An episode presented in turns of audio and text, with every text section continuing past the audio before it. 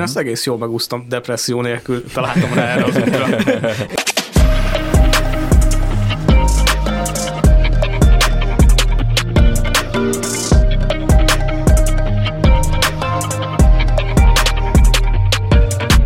Nagy szeretettel köszöntünk minden jövőt építő podcast hallgatót. Itt vagyunk az Epper stúdióban, az Asztórián lágyan hull a hó, és a harmadik hullám közepén márciusban az önismeret a témánk.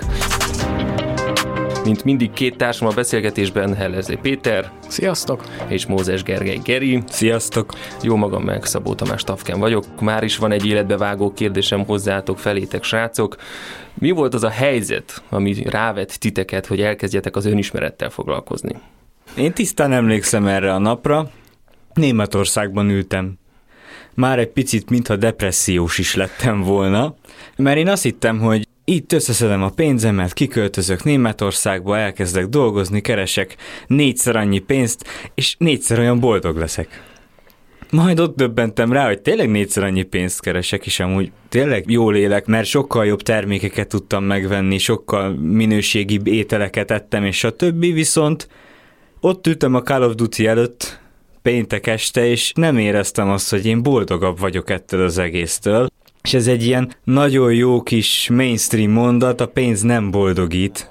Akkor kezdtem el ide ezen gondolkodni, hogy miért van ez? Uh-huh. És, és az a durva, hogy soha nem foglalkoztam előtte ezekkel a kérdésekkel, de ott megkérdeztem magamtól, hogy miért vagyok itt?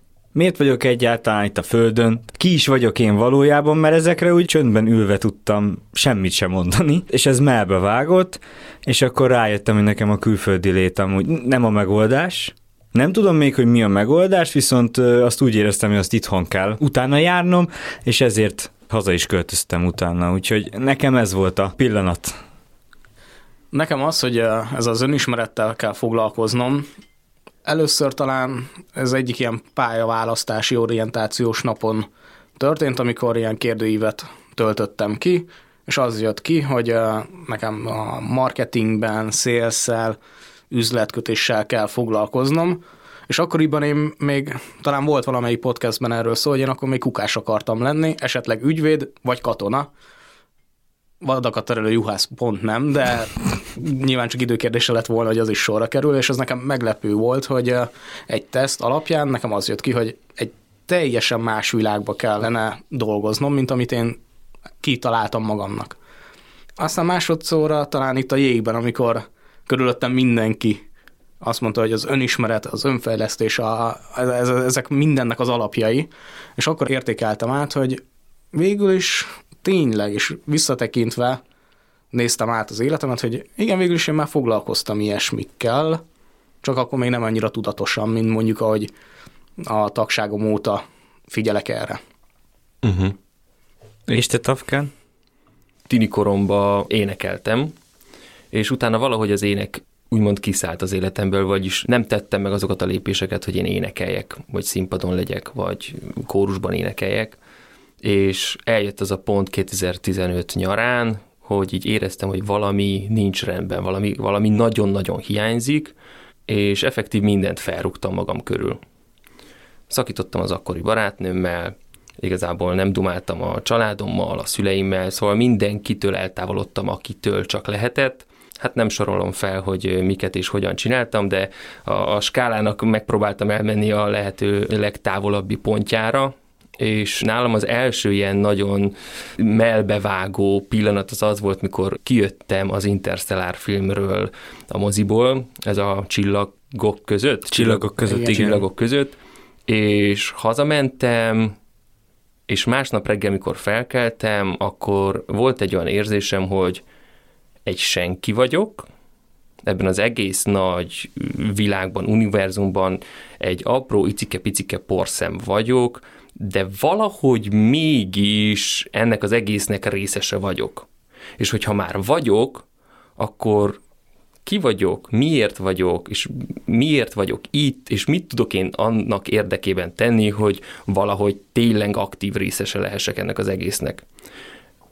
És akkor elkezdődött egy elég, elég hosszú folyamat, és úgy, ahogy te mondtad, Geri, egy jó kis depresszióval indult az egész, és aztán szépen lassan szerintem akkor kezdődött el igazából ívet kapni, amikor visszatértem a zenéléshez. Akkor uh-huh. ezt egész jól megúsztam, depresszió nélkül találtam rá erre az Én akartam is ezt felhozni, mert így, hogy már Tafken és én is beszéltünk róla, hát te szerencsés vagy ebből a szempontból, de hogy tényleg félelmetes tud lenni az önismeret, mert most benne vagyok például egy coaching folyamatban is. És most olyan felismeréseim voltak az elmúlt egy hónapban, amik úgy megrengetik azt az életet, azt az önképet, amit azt hittem, hogy én vagyok. Valamilyen szinten igen, és mégse, és ez félelmetes, hogy amiben eddig hittél, amit hittél önmagadról, az valójában nem igaz, vagy nem teljesen igaz. Ez, ez olyan, mint amikor rendet akarunk rakni, amikor elkezdünk rendet rakni, sokkal nagyobb káosz lesz, mint a végtermék, és ez szerintem így az önfejlesztés, önismeretnél is, is így van, hogy amikor elkezdünk vele foglalkozni, akkor egy ideig sokkal rosszabb lesz, mint ahonnan indultunk, viszont ez a folyamatnak a része, hogy úgy, mint a főnix madár, így szétporladunk, majd szépen újjászületünk. Kicsit én most megijedtem, hogy ez még előttem van, mert én még érzem azt, hogy uh, ahogy a legelső podcastben volt róla szó, hogy én két véglet felé húzok, egyik a kétkezű munkás ácsmunka, mert például most is elkezdtem azon gondolni, hogy az étkező asztalomat én fogom megcsinálni, és a két diplomás online marketinges, politikai kommunikációs, elég erősen szellemi munkás létem között, mert mindkettőt élvezem, de még nem tudom, hogy melyik lesz a vége, és akkor most beparáztattatok, vagy hogy egy ilyen kiadós válság van előttem. Az a szép és egyben a félelmetes ebben a folyamatban, hogy ez soha nem áll le.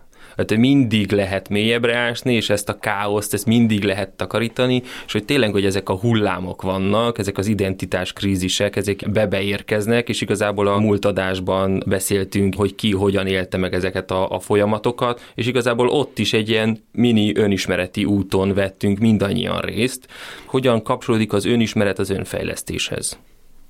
Hát, hogyha az önismeretnél lesz valamilyen felismerésed, általában az ugye nem, nem jó, ahogy eddig mondtam, és akkor valamit fejleszteni kell, és én nekem onnantól jön az önfejlesztés, bár azért bevallom, nem mindig voltam ennyire tudatos, hogy azt fejlesztettem, amire rádöbbentem, hogy nem jó.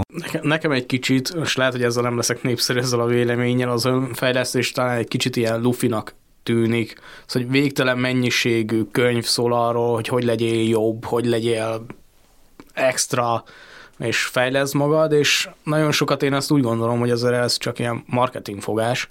Ez, ez az önfejlesztés az egyedül annak szól, aki megírta ezt a könyvet, és eladja több ezer példányban. Tehát, hogy én ketté venném az önfejlesztést, egyrészt egy ilyen, hát most ne pereljetek be, légy kamu önfejlesztésé, és egy ilyen szinte kézzel fogható önfejlesztés, amivel egy dedikált irányban valamit megtanulsz, és uh-huh. azt utána fogod tudni csinálni. Uh-huh. Nagyon tetszik ez a dedikált irány uh-huh. gondolat, mert szerintem is az önismeretnek a leges-leges legfontosabb része az, hogy tudd, hogy a te személyiségedhez kapcsolóan mi az az irány, ami fele úgymond el tudsz indulni úgy gondolom, hogy az önismeret az a legfontosabb ismeret, az a legfontosabb tudás, amit el kell sajátíts ahhoz, hogy aztán bármi máshoz hozzá tudjál nyúlni, mert az önismeret az identitásodnak az alapját fogja megadni, amire majd tudsz építeni és tudsz kipróbálni dolgokat, de oda mindig vissza tudsz térni, és mindig meg tudod azt erősíteni.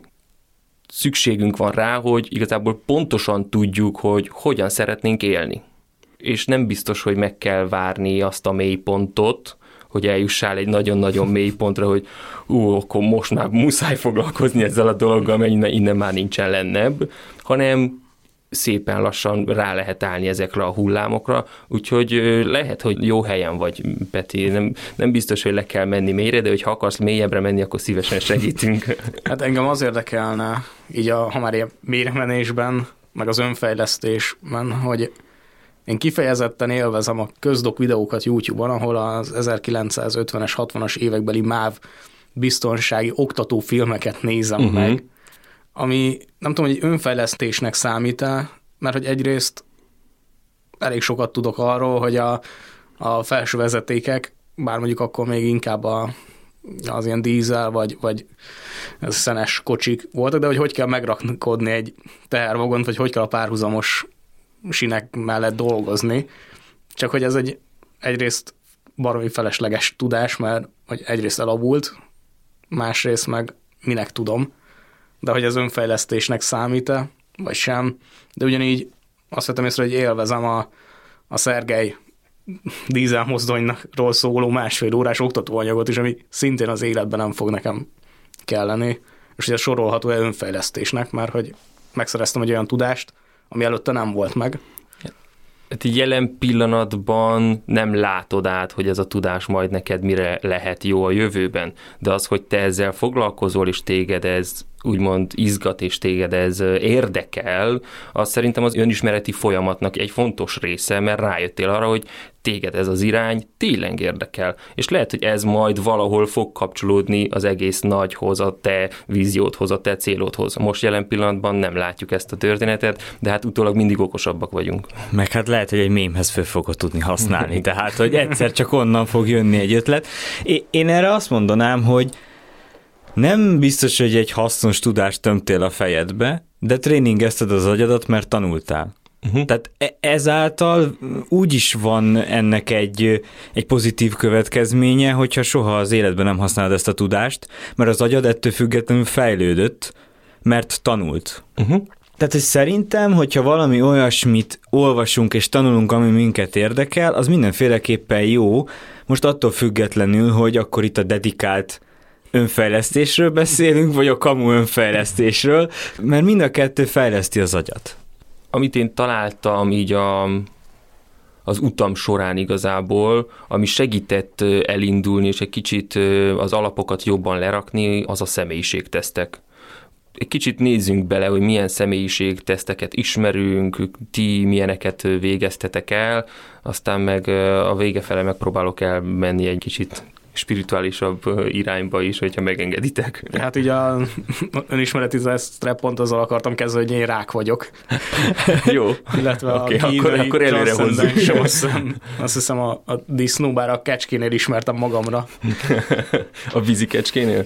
Hát nem tudom, és szerintem sima kecskét, de akkor lehet, hogy rossz Google találatot néztem. Nincs, nincs, nincs vízi kecske, a vízi kecske az csak egy vízbe van benne, de nekünk a kabala állatunk volt a vízi kecske én itt most bejelentem, hogy fogalmam sincs, hogy miről beszélnek a srácok. Tehát lövésem sincs, hogy hova, hova jutottunk ki. Amúgy személyiségtesztek, én kitöltöttem az Enneagramot, ott hármas uh-huh. típus vagyok, jelentsen ez Bármit. Az Enneagramban hány típus van? Kilenc.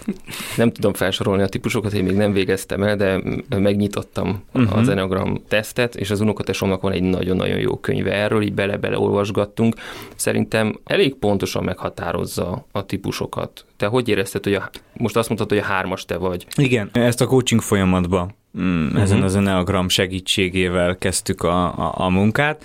Amúgy volt ennek egy jó és nem jó értelme is, hogy magamra ismertem. Uh-huh. Mert hogy az Enneagramban úgy van, hogy vagy egy típus, és annak még vannak szintjei, hogy hol vagy. Van, a, van amikor már jó szinten vagy, meg van, amikor nagyon le vagy csúszva, és hogy akkor a személyiséged is, is másképp viselkedik. Például te helyzetekhez fűzi hozzá? Például van olyan, hogy ez a hármas típus, ez nagyon inspiráló tud lenni. Uh-huh. Viszont amikor nincs jóba magával, akkor meg demotiváló és energiavámpírra megy át szépen, meg önző lesz. Nem nézi mások érdekeit. Míg amikor rendben van magával, akkor Gandhi. De tényleg, tehát, hogy ennyire ilyen skálán mozog ez az egész, és uh, nem véletlenül, hogy elkezdtem a coaching folyamatot, azért nem ennyire a skála alján voltam, de, de hogy éreztem, hogy valami nem, de akkor úgy érzed, hogy az aktuális rád ez a hármas, hármas Te, Teljesen, típus. igen, hm. teljesen, teljesen. Kicsit ráismertem a kínai horoszkóp bika leírásra. Szerintem ezek valahol a háttérben, mint egy összeesküvés elmet összeérnek a, a horoszkópok, az önfejlesztések. Abszolút. Én ebben, én ebben hiszek, én is rák vagyok amúgy. Hú, és skorpió. Azt mondtad, hogy nem fogalmat sincs, hogy Az a vízi, vízi kecskénél. A vízi kecskénél. A, a kínai izékben nem vagyok ott, a kínai uh-huh. horoszkópos. Én július 8. Én június 23. Aha. Október 25. Jó, akkor a születésnapokat megjegyezni, majd várjuk az ajándékokat. Igen, akkor, hogyha már behoztuk a horoszkopot, meg a csillagjegyeket, meg minden ilyesmit. De az mennyire számít személyiség tipológiának? Most ezt így őszintén kérdezem. Hát erről fogunk szerintem egy kicsit most akkor vitatkozni, beszélgetni, mert hogy egyrészt mind a kettőben hisznek emberek, és talán ennyi a létjogosultsága. Most, hogy mondtad, hogy ez egy ilyen rengeteg kérdés megválaszoltál, komoly tesztet kitöltöttél, és eljutottál arra az eredményre, ami a kínai horoszkópban a abika. Most lehet, hogy rosszul mondom, mert lehet, hogy nem abika, hanem a macska, vagy nem is tudom, mik vannak benne. De hogy ott is ugyanegy, ugyanilyen személyiség leírás van a végén, és az azt mondja meg, annyit kell tudnod, hogy hány órakor születtél. Uh-huh. És ugyanígy ad egy ilyen személyiségtesztet. És a horoszkóp is olyan, hogy így szerintem élethelyzettől függ az, hogy mennyire érzed magadra illőnek, amit olvasol. Tehát, hogy én is töltöttem ki olyan ismereti teszteket, és amikor olyan hangulatom van, akkor azt mondom, hogy azt a, ez, ez igen, ez, uh-huh. ez mhm. konkrétan én vagyok. De hogy mert két évente egyszer elolvasom a horoszkópomat, és annál is van egy ilyen élmény, hogy azt a, hát ez én vagyok. Uh-huh. És szerintem ezekben is úgy van, mint például az Enegram típusnál meghatározva, hogy két véglete van hogy minden személyiség típusnak van egy spektruma, hogy melyik helyzetben mit hoz ki az emberből. Uh-huh. Én azért tudok úgymond valamennyire e, ehhez a, a csillagokkal kapcsolatos világba kapcsolódni, pont a Csillagok közt című film nyomán, vagy hatására, hatására mert tényleg ott az volt, hogy egy senki vagyok, de hogy valamilyen szinten ezek mind befolyásolják egymást. És lehet, hogy amikor én születtem 1986. július 8-án, akkor ezek a hatások pont így értek el engem. Mert minden, minden rezeg, minden össze van kapcsolva mindennel, és én hiszek valamilyen szinten abban, hogy ezek befolyásolják egymást. Hm. És az ilyen szerintem tök jól összehozza az, hogy van egyrészt a hit kérdését, hogy a mindenhatóban hiszel, az univerzumban hiszel, vagy mondjuk egy adatokon alapuló elemzésem, uh-huh. mert hogy valahol a végén mind a kettőnek lesz egy eredménye, viszonylag hasonló, de hogy te érzed azt magadon, hogy melyiknek hiszel. Hm.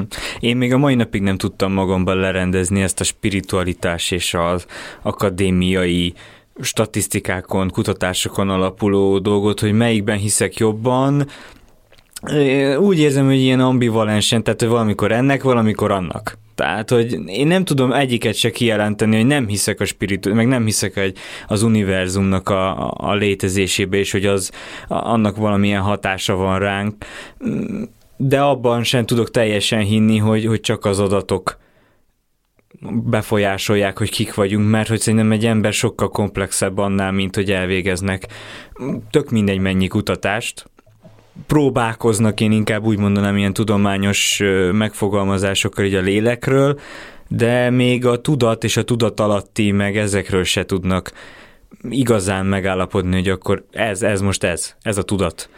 Egy nagyon-nagyon fiatal tudomány ez Igen. igazából de hogyha ránézünk úgymond a csillagászatnak a tudományára, vagy az asztrológiának a tudományára, az egy több ezer éves tudomány.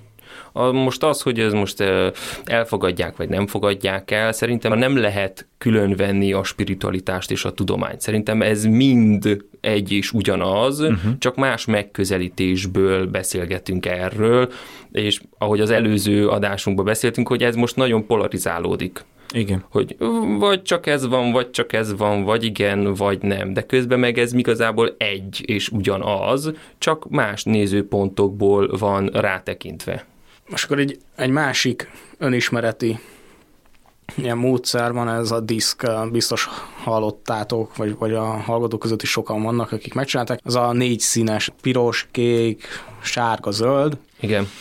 személyiségjegyek, és hogy ebbe sorol be, és ez egy adatokon alapuló dolog itt is, ki kell választani előre, hogy miket érzel magadról, és az nekem például meglepetés volt. Amúgy én szinte teljes mértékben sárga vagyok.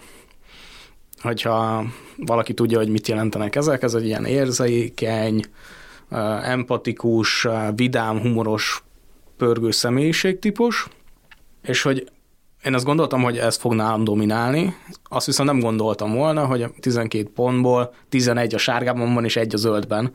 Nekem ez érdekes volt, mert én azért komplexebb személyiségnek gondoltam magamat, hogy van bennem azért egy kicsit ez az ilyen vezetői dolog, szel végre vállalkozást vezetek, csapatokat vezetek, csapatmunkákban nagyon sokszor magamra veszem a vezetői szerepet, és akkor egy egyetlen egy darab ilyen kis piros vezetői válaszom nem volt a tesztben, uh-huh.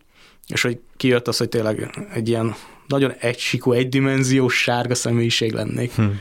Adatokon alapult, és ez ilyen megdöbbentett, hogy...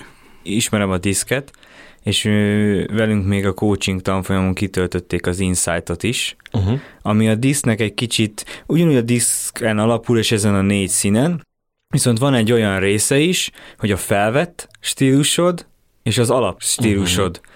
És lehet, hogyha ott például azt kitöltenéd, akkor kijönne az, hogy te amúgy a felvett stílusodban benne vannak azok a piros dolgok, mert nekem is ö, volt különbség az alaptípusom, meg az, ami, ami felvető. Én például a kéket nagyon felvettem mert hogy ugye az adatok miatt, hogy a vállalkozás, pénzügy, ezeket a dolgokat, azt ugye Excelben, stb. megőrülök tőlük, de közben meg a teszt kimutatta, hogy azt úgymond magamra erőltetem. Uh-huh. Mert hogy muszáj, mert uh-huh. akkor tudsz lenni egy jó vállalkozó, hogyha ezekkel úgy, úgy tisztában vagy, uh-huh. a, tehát a pénzügyekkel, és ezt, hogyha más nem fogja megcsinálni helyetted egyéni vállalkozóként, tehát hogy ez úgy, az úgy eléggé necces.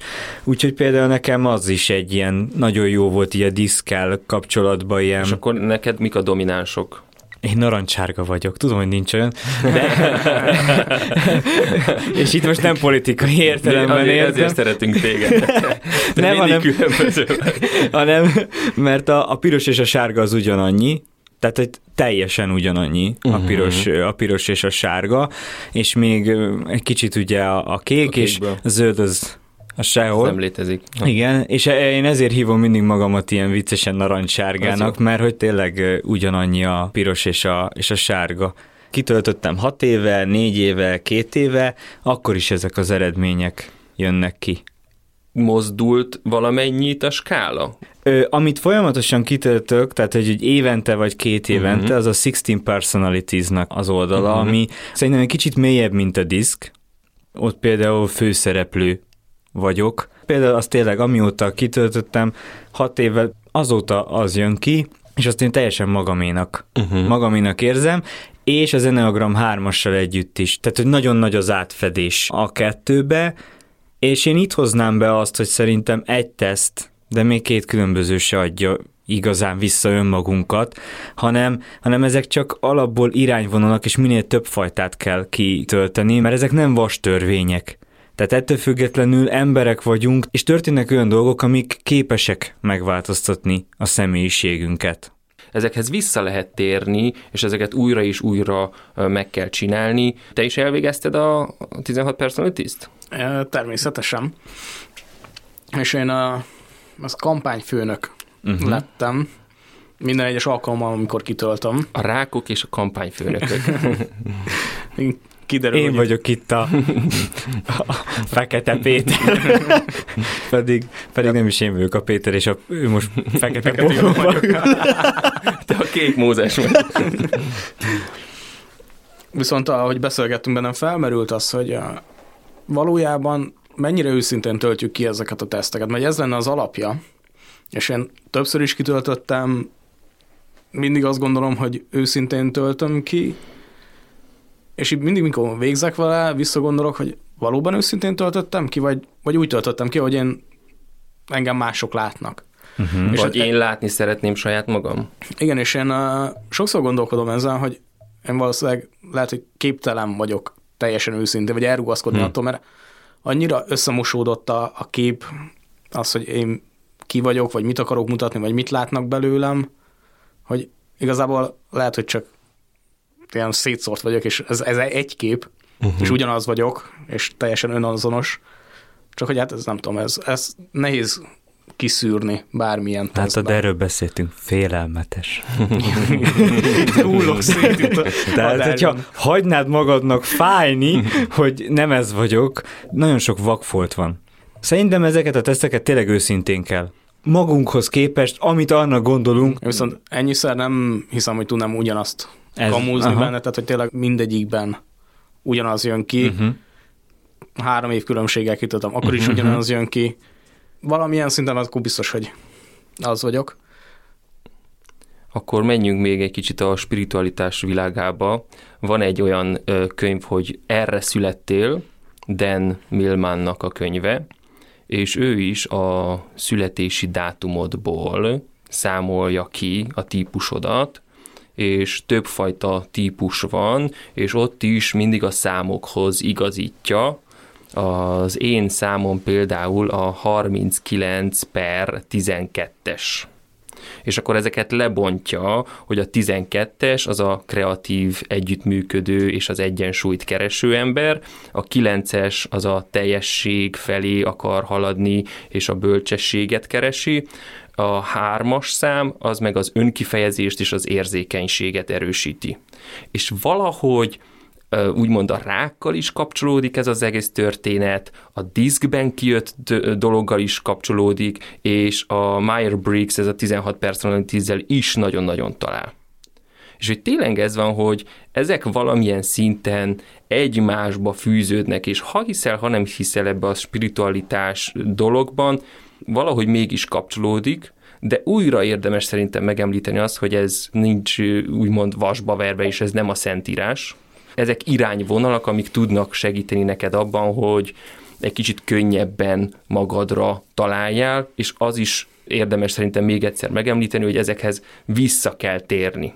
Fél évente, évente, két évente érdemes elvégezni ezeket a teszteket. Én például ugyanúgy a 16 Personalities-be kampányfőnök vagyok, 2015-ben töltöttem ki először, akkor meg is vettem a prémium csomagot, egy elemzést kaptam, ahol a többi típust is leírja, és hogy a típusok egymással hogyan tudnak kommunikálni a párkapcsolatba, a munkába, a családba, a mindenben nagyon-nagyon részletesen, és minimális változások vannak ezekben a történetekben, és visszatérve az őszinteséghez, mindig egy skálán kell megadjad, hogy az adott kérdésben mennyire vagy a, a skálának a két szélén, és szerintem minél jobban kihúzod az egyik szélére, annál őszintébb vagy ö, saját magaddal, és annál ö, biztosabb eredmény jön ki. Majd, ha egy közepén állítgatjuk, akkor azt mondod, hogy hát igazából ez is egy kicsit, igazából egy kicsit az is. Az nem biztos, hogy az őszintesség lehet, hogy az önismeretnek a hiánya miatt nem tudod megmondani, hogy ez vagy ez, mert nem tudod eldönteni. Hát, mert ilyen helyzetben ez, de olyan helyzetben meg amaz, és közben meg, ha nem gondolod végig, hogy valójában ezekben a helyzetekben miért ezt és miért azt választottad, vagy miért úgy cselekedtél, tehát nem tudod eldönteni, és ez szerintem nem az őszintesség, hanem pont, hogy az önismeretnek a, a hiánya. Ami nem baj, mert hogy ott, ott kell dolgozni, ott a munka. És ezért kell majd újra megcsinálni Így tesztet. van. Lehet, hogy majd most műsor után kitöltöm úgy, hogy csak a végletekre. Tehát Hm. ahol kicsit is billeg, és mondjuk középre húznám, vagy nem középre, de nem a legszélére, akkor ott kihúzom a legszélére, hogy kíváncsiságból, hogy akkor ez jelente valamit, és akkor majd mondjuk a csoportunkba, vagy valahol közé tesszük, hogy változott-e attól, hogy van-e igazságunk abban, hogy az egy erősebb, vagy Mhm. uh-huh. önismeretet jelez, hogyha végletekig húzzuk, hogy így is mondjuk az jön neki, vagy egy egészen más. Ez szerintem fontos. Nekem még itt egy dolog van, amit kiemelnék, ez a dobozolásnak a Hmm. hibája. Ezt a coaching tanfolyamon vettem észre, hogy kiemelték, így kezdték. Megcsináljuk, de utána nem úgy kell mindenkivel visel... Te sárga. Na, hát ez azért van, mert kék vagy. Mert ez innentől kezdve már egy negatív dolog lesz, tehát nagyon jó ismerni ezeket a színeket, meg a mások, hogy milyen színűek a Dix-ben, vagy ö, 16 Personalities-ban, vagy bármelyikben, de ezért is mondom, hogy ezek nem vas törvények, és sokkal komplexebbek vagyunk emberek, mint az, hogy mi most egy kék legyünk, vagy, vagy sárgák legyünk, vagy pirosak legyünk, és elkövettem én is azt a hibát, amikor én ezzel a diszkkel találkoztam, hogy onnantól kezdve azt kezdtem, hogy ment valaki az utcán, hát ez biztos piros. hát néma, hát ez kék. Ez egy nagyon nagy veszélye ennek az önismereti és a tesztes dolgoknak, és erre, erre oda kell figyelni. És itt viszont magadat kell nyakon csípni, hogy ho-ho, most dobozolok, nem ja. szabad, nem szabad. Egy kicsit belemásztunk itt a spiritualitásba, meg az, hogy akkor mikor születtél és hogy születtél. Orvostót Noéminek van a könyve Az örökölt sors. Engem ez a téma nagyon-nagyon izgat és nagyon-nagyon érdekel, pont azért, mert a, az identitással az elmúlt pár évben egyre többet foglalkozom, és ebben a könyvben az van megfogalmazva, hogy generációkra visszamenőleg hozzunk olyan mintázatokat, amik befolyásolják az alapszemélyiségünket. Erről mit gondoltok? Hogy mondják szép szóval, hogy szerintem ez hülyeség. Így. Mármint, hogy itt igazából az a kérdés, hogy ez most ilyen kvázi biológiailag hozod a, a szülőktől ezt a viselkedés mintát, vagy a, a nevelésből, vagy a körülmények befolyásolnak, mert nem mindegy, mert azt gondolom, hogy így örökölni minimális az a dolog, amit ilyen befolyásolja az életedet. Tehát én mondjuk nagyfateromtól pikkely örököltem, mondanám, hogy fatertól a humort, de hogy uh, sokkal inkább, ami szerintem meghatározta a személyiségemet, az, hogy ki vagyok, vagy, vagy mi vagyok, azok nem ezek a kis dolgok, hanem az, amiben beleszülettem. Az a, az a, a neveltetés igazából, illetve nagyon rosszul hangzik, de az a státuszkó, amiben születtem, azok sokkal inkább úgy gondolom, hogy meghatároznak, mint mondjuk a biológiai öröklődés, már mondjuk így, oké, okay, nyilván a szemszint, meg sok mindent öröklünk, de az, hogy kik vagyunk, azok sokkal inkább az ilyen külső dolgoktól függnek szerintem. Nekem erre a válaszom nem tudom. Uh-huh. Tehát ő, őszintén én soha nem foglalkoztam például ez a családfa, őseim honnan származnak, nem tudom, a déd nagyszüleim mert nem is ismertem, csak a, a dédi, dédi mamámat, de akkor is még pici voltam, tehát hogy ők nem is tudom, hogy például mivel foglalkoztak. Valahogy nekem ezzel a múlttal és a és az előttem lévő generációkkal való foglalkozás, ez, valahogy nem jött eddig a, az, az életembe. Az viszont biztos, hogy jobban hasonlítok a nagyszülőkre, mint a szülőkre. Ez nagyon pontosan meg van fogalmazva a könyvben is, hogy mindig egy generáció kimarad. Uh-huh. Tehát mindig a nagy, nagyszülőknek a tulajdonságai jelennek meg az unokákban. És a Bibliában is ez van megfogalmazva, hogy hét generáción keresztül hozzuk ezeket a történeteket.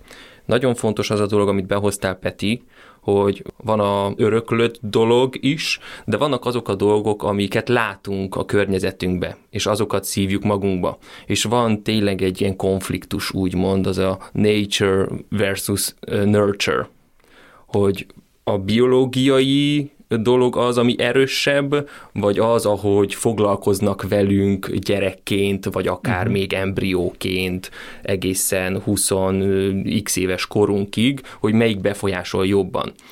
Van egy film, Three Identical Strangers, egy hármas ikerpárról szól, akiket ott hagyott az anyukája, és különböző családokba helyezték el őket és a film végére kiderül, hogy ez egy kísérlet volt, amiben több száz ikerpár vett részt, és az ikerpárokat különböző családokba helyezték be.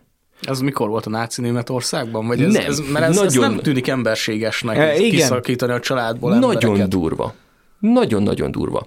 És a másik nagyon érdekes, hogy olyan gyerekek voltak ezek, akiknek a felmenőik között mély depresszióval, skizofréniával szenvedő emberek, anyukák, apukák voltak. És ezeket az embereket elhelyezték különböző családokba, ezt a hármas ikret, az egyiket egy munkás családba, az egyiket egy tanári családba, és egy gyereket egy orvoshoz raktak le, és ezek a srácok 19 évesen találkoznak véletlenül. Ebből a találkozásból mi alakul ki, és igazából ők nem ismerik egymást, de mégis vannak olyan pontok, ami, ami hihetetlen, hogy mégis egyezik. És a film végére viszont kiderül, hogy ők szerettek volna kapcsolódni, és azokra a pontokra figyeltek, amik, amik közösek bennük. De épp azért, mert különböző családokba voltak behelyezve, teljesen más kép nőttek fel, és teljesen másképp viszonyultak ahhoz az örökséghez, amit az igazi szüleiktől kaptak. Ebben az esetben a, a mély depresszió. Az a fiú, aki a, a tanárnak a családjába került, és a tanár egy ilyen nagyon tanár, nagyon-nagyon tanár keménykezű apa volt, az a srác végül nem tudott megbírkozni ezzel a mély depresszióval, és öngyilkos lett. De a másik két ember, ők sokkal könnyedebben kezelték ezt a folyamatot, mert a munkás családba, amelyik fiú került, ott egy ilyen maci apuka volt, aki mindig mindenkit szeretett, és mind nagyon nagy humorral tekintett a világra. Az orvos családban meg egy olyan környezetbe került be a gyerek, hogy nagyon védett környezet volt, és bármilyen problémája volt, arról tudott kommunikálni, beszélni. Van az a rész, hogy te örököltél valamit, és akkor emellé feláll az, hogy milyen környezetben nősz fel, és hogyan tudod ezt a kettőt összekapcsolni, és hogyan tudsz megbirkózni úgymond az örökölt sorsoddal.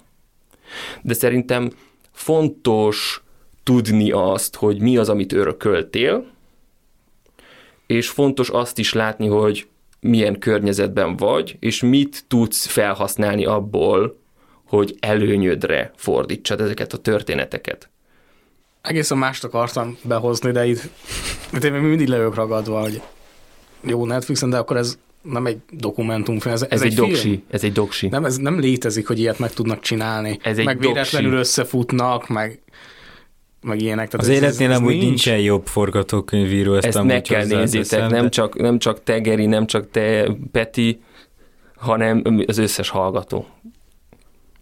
És én ebben de nagyon kevés időm van mostanában, de időt fogok erre szakítani, hogy ezt megcáfolja, ez, ez valami rengeteg googleozás lesz, meg minden, de szerintem ez ilyen, ilyen nincs, tehát hogy ez... 2066-ig titkosítva van a kutatás. Hát azért van titkosítva, amiért paks is, de hát egy... de én, én, én de akkor ezt hogy... fenntartásokkal kezelem. Én is, mert hogyha 2066-ig van valami titkosítva, abból nem lesz Netflix film, tehát hogy akkor az a titkosítás az, az nagyon... Épp azért lesz Netflix film belőle. Miért kerül el oda az emberiség, hogy belekezd egy ilyen kísérletbe, és utána meg az egészet titkosítja? Meg a modern világunkban ezt hagyják. Na, Igen. Behozom, túl tettem, nem, nem, nem tettem túl magam rajta, érzem most a napom ez ezen fog pörögni, de hasonló jutott itt eszembe. Valahol olvastam szerintem, és vagy, vagy beszélgettük, és akkor majd rá fogtok ismerni, hogy egy iker pár volt, akiket gyerekkorukban bántalmazó családban nőttek fel, és az egyikük börtönbe került gyilkosságért, rablásért. Tehát, hogy egy ilyen nagyon lecsúszott, a másikuk pedig ügyvéd nő lett, a szakmájának egy nagyon elismert képviselője lett, és interjút csináltak velük, tehát ők is ikerpár voltak, és ami nagyon érdekes, hogy az interjú egy bizonyos pontján mind a kettőjüktől elhangzott az, hogy mi más tehettem volna. Hogy ugyanazzal a háttérrel az egyikük lecsúszott, mert bántalmazó család volt, rossz példát látott elő, hát mi más tehetett volna, mint követte ezt a példát. A másikuk meg ugyanúgy ebből a bántalmazó légkörből került ki, és ebből azt mondta, hogy ő nem akar ilyet, ő, ő rengeteget tanul, rengeteget fejlesztett magán, és, és tényleg egy kiemelkedő személyiség lett, példa lett a, a saját területen, és ő is ugyanezt mondta, hogy hát mi más tehettem volna. Hm. Szerintem ez a személyiség típustól függ. És itt jön be az, hogy ezért vagyunk egyének. Uh-huh bármit örökölhetünk, de az, hogy mit kezdünk vele, a döntéseink azok szabadok. Tehát, hogy ez ugyan ez van az önismereti dolgokkal. Tehát nekem volt egy-két olyan felismerésem, ahol, ahol lehetne azt mondani, hogy ó, ó, tehát hogy, hogy nem az, hogy jó, akkor ezt most ezt is így és így, és szeretném megoldani, mert szeretném jobban, hanem hanem elfogadom, és, és úgymond hagyom az egészet a frontba, én ilyen vagyok, és kész, és elindulok egy teljesen egy negatív irányba. Mert a, a, tehát a döntési szabadságunk az megvan attól függetlenül, hogy mit, mit öröklünk. Ezt mondjuk én is érzem magamon, tehát hogy rádióműsorban nyilván nem látszik, de akik ismernek, ők látják, hogy a, nekem Pikkel van, egy pár éve jött elő, és ez is olyan, hogy leúszhatna, és takargathatnám, lehetne az az életemnek egy nagyon erős része, hogy, hogy tényleg folyamatosan olyan személyiség lennék, aki sapkát hord, meg mindig hosszú lyukban van. De hogy a, azt vettem észre, hogy ez talán a családom is engem zavar a legkevésbé, mert hogy ezzel nem lehet mit csinálni. Tehát vannak krémek valamivel, amivel lehet halványítani, de nem lehet eltüntetni, uh-huh. és hogy én ezt így oké, okay, van, de hogy ettől én nem fogok most én sapkát hordani. Leginkább édesanyámat zavarja, ő, ő folyamatosan mondogatja, hogy most ú, ezt próbált ki, azt próbált ki, amazt uh-huh. próbált ki, és hogy ez is az, hogy nem, engem nem ez határoz meg. Uh-huh pont a, a szabad akarat által, ha eljutunk arra a pontra, hogy fel tudjuk tárni ezeket a dolgokat, meg tudjuk érteni, uh-huh. el tudjuk fogadni, ha elfogadtuk abban a pillanatban, fordul át valahogy a, a mindsetünk, a felfogásunk uh-huh. ezekkel kapcsolatosan, és utána mindig set and settingsről beszélünk, a, vagyis a biztonságos légkört meg tudjuk teremteni, úgymond a tudat alattinak, uh-huh. akkor ezek ki tudnak bontakozni, és ezekre mind úgy próbálok tekinteni, mint, mint szupererőkre, uh-huh. képességekre. Én ezt örököltem anyámtól, apámtól, itt nem arról van szó, hogy ezek jók vagy rosszak, hanem ezeket én fel tudom használni adott helyzetekben.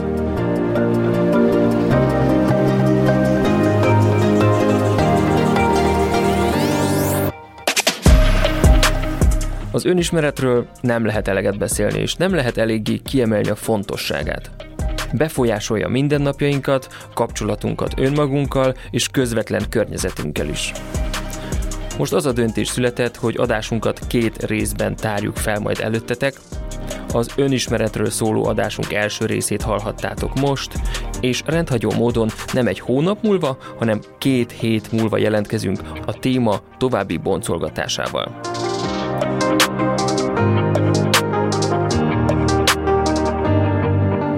Osszátok meg velünk ti, milyen típusú személyiségek vagytok, hol tartotok önismereti utazásotokban, milyen fordulópont volt már az életetekben. Ne felejtjétek, megtaláltok minket a LinkedIn oldalunkon, ahol elkezdjük az interaktív beszélgetéseket. Májusra tervezünk élő bejelentkezéseket is, ahol ti is megszólalhattok, és megoszthatjátok ötleteiteket, észrevételeiteket a jövőt építés témáival kapcsolatosan két hét múlva jön a második rész, és minden hónap harmadik hétfőjén egy újabb adás.